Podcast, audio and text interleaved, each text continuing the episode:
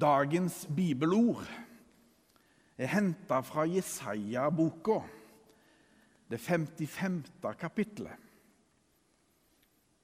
vers 4-11. Der står det å lese.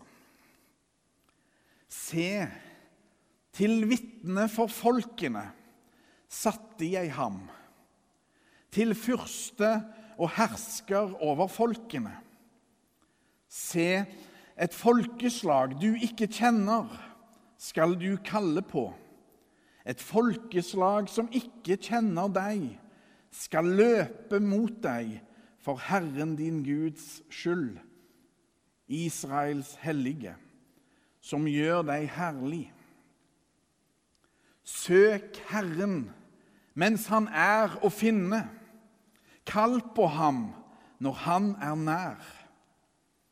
Den urettferdige skal vende seg bort fra sin vei, ugjerningsmannen fra sine tanker, og vende om til Herren, som vil vise barmhjertighet til vår Gud.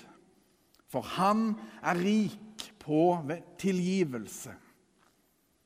For mine tanker er ikke deres tanker, og deres veier er ikke mine veier, sier Herren. Som himmelen er høyt over jorden, slik er mine veier høyt over deres veier, og mine tanker høyt over deres tanker. For lik regn og snø som faller fra himmelen, og ikke vender tilbake dit før de har vannet jorden, gjort den fruktbar og fått den til å spire. Gitt såkorn til den som skal så, og brød til den som skal spise.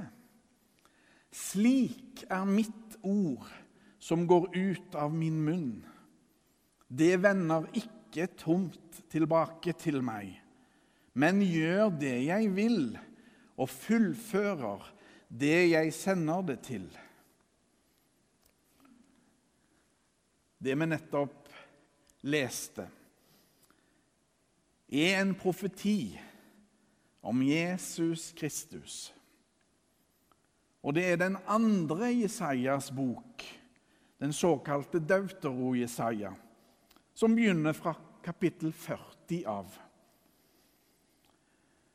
En måte å forklare til konfirmantene hva profetene så det er rett og slett å ta en konfirmant, ta bind for øynene på han eller henne og spør Ser du? Så svarer de som regel nei. Men hvis jeg gjør sånt og finner fram lommelykta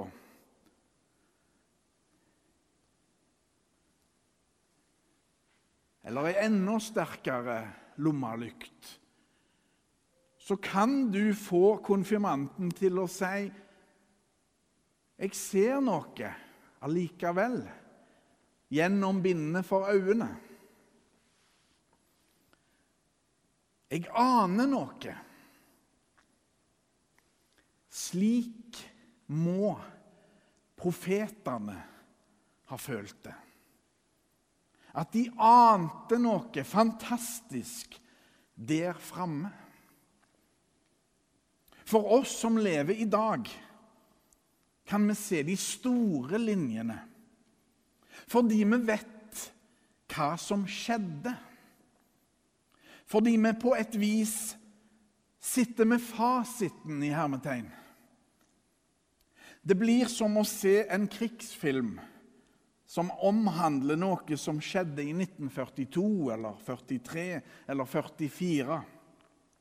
Å vite at i 1945 var det endelig slutt, og at Tyskland tapte så det sang. Jeg lurer på hvordan det går i Ukraina.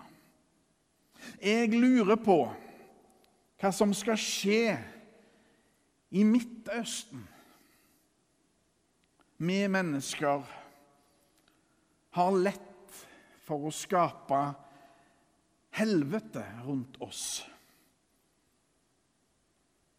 så ble det virkelig en vanvittig lidelse for vår Herre Jesus Kristus.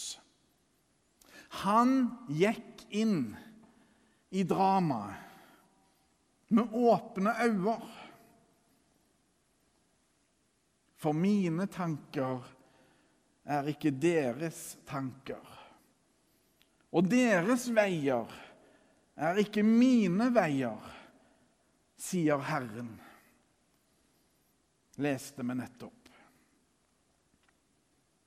Herren Jesus Kristus utgjør verdenshistoriens sentrum. Hans kors utgjør den store triumfen. Profeten Jesaja, eller Deutro Jesaja, den andre Jesaja, så det, ante det og jubla på forhånd. Amen.